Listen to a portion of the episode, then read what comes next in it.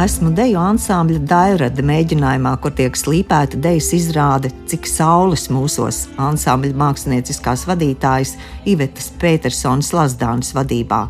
Pievēršot uzmanību ne tikai soļiem, kustībām, galvas pagriezienam, bet arī balsīm.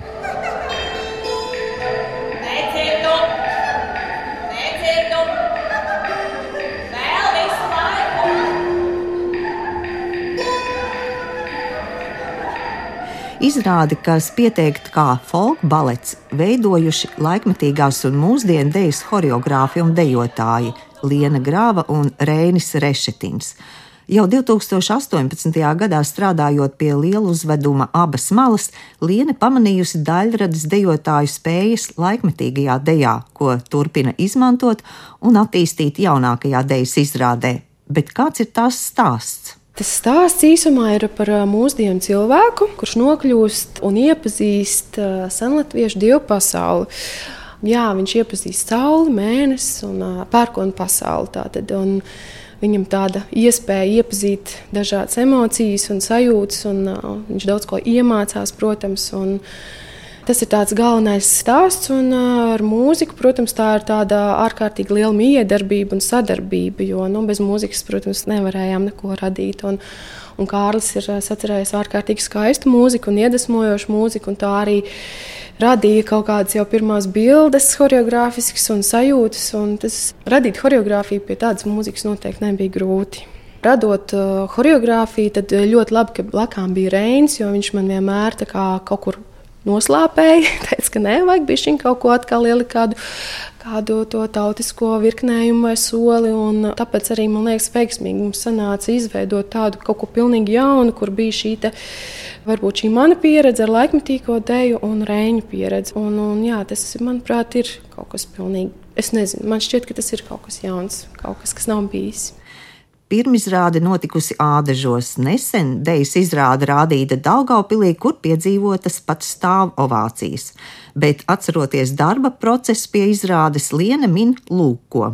Jā, mēs ar Reini ļoti ilgi strādājām pie šīs sagatavošanās, un, protams, arī es ļoti daudz strādāju ar Robertu Rubīnu, režisoru. Mēs tieši sākās Covid laiks, un mēs principā Gandrīz katru dienu sazvanījāmies un gājām cauri šim scenārijam un domājām idejas, kā tas varētu izskatīties. Un, uh, viņš man stāstīja vairāk to idejisko pusi, un tad es mēģināju atrast, uh, kā tas varētu izskatīties kustībā. Uh, Jā, un tas bija tāds uh, ilgs posms, un tad atkal es tikos ar Reini un stāstīju viņam no savas puses, ko mums vajag izdarīt katrā no numuriem. Tad mēs arī sadalījām savus kā, pienākumus, kurš vairāk strādā ar A grupu, kurš ar, ar D grupu. Ar to A grupu laikam skaitās jaunie, un D grupa varbūt drusciņi vecāki. Un, protams, solisti, jā, bija darbs ar solistiem, bet mums, protams, arī apstādināja Covid. Un, um, Tas bija diezgan skarbi un traki, bet tajā pašā laikā tā bija iespēja atkal ilgāk sagatavoties un uh, kaut ko pārmainīt, kaut ko samainīt, kaut ko pilnīgi izdzēst un atkal sākt no jauna. Tā kā kaut kādā ziņā mēs ieguvām laiku, varbūt vairāk. Ir uh, tādas nianses un sīkumi, un katrs sīkums ir un katra detaļa svarīga gan scenogrāfijā, gan kustībā, gan, uh, jā, gan kostīmos, gan mūzikā.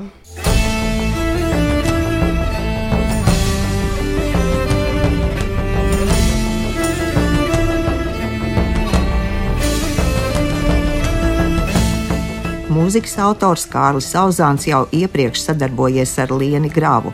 Jaunākajai dejas izrādēji tapusi oriģināla mūzika, ko komponists raksturo. Mūzika tika radīta absolūti no nulles, no kosmosa, es pat teiktu.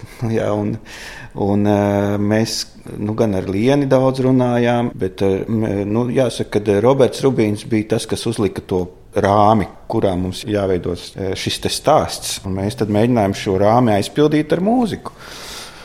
Un e, Roberts man iedrošināja, varbūt tā, ka skatīties uz mūziku ne tik tradicionālā veidā, ka mēģināt iesaistīt arī kaut kādas tādas modernas skaņas, lai tā mūzika nav pilnībā no asociēta ar tautas mūziku, bet tomēr tā tautas mūzikas stilistika un, un instrumenti, kas tur izmantoti, un, un ritmi, protams, viņi tur figurē visi.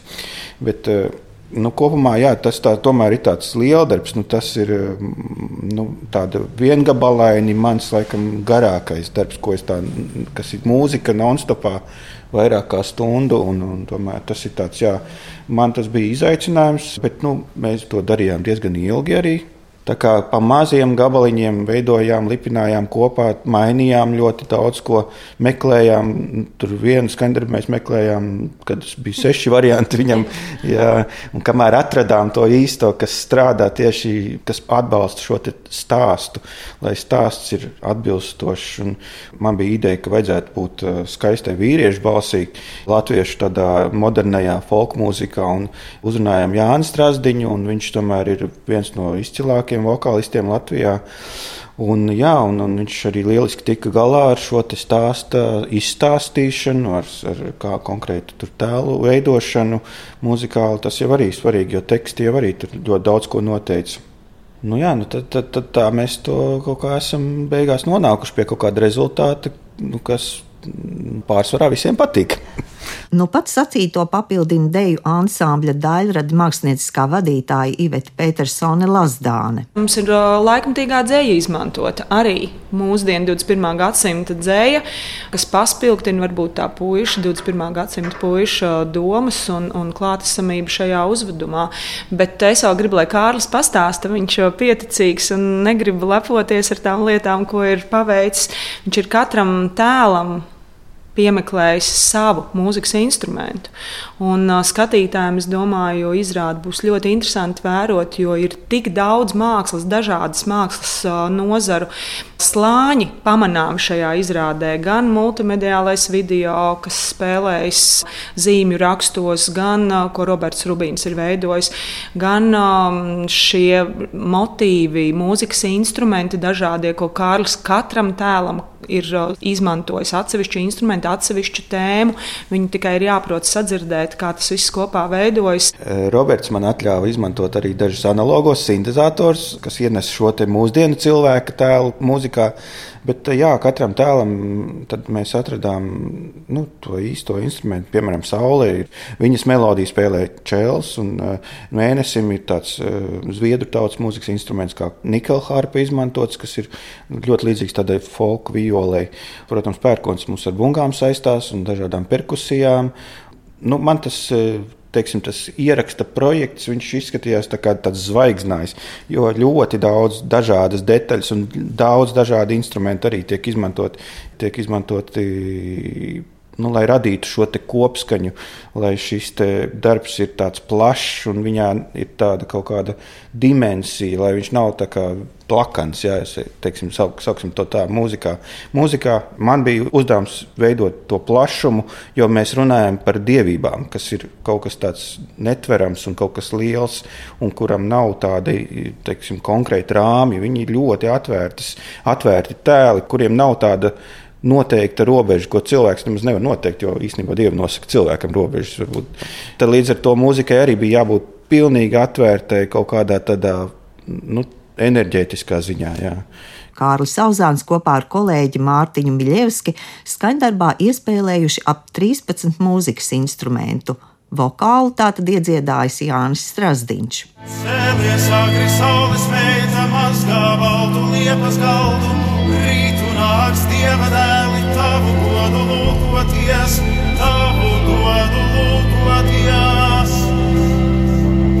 Caur Kārli mēs, dejotāji, caur Kārli mūziku arī kļuvām izglītotāki. Un, uh, mums tagad ir diezgan skaidrs, kā ar rokraksts viņš ir. Uh, pavisam citādāks, kā mēs bijām līdz šim ieraduši. Jo Kārlis spēlējās ar takšu skaitu, ar viņam nevienmēr ir kvadrāts, pie kura mēs turamies astoņas taktis, un viss Kārlis spēlējas ar dažādu takšu skaitu. Tad mēs zinām, ka pēc konkrēta takšu skaita būs viens papildus sitiens, vai divi papildus sitieni, vai pat trīs papildus sitieni.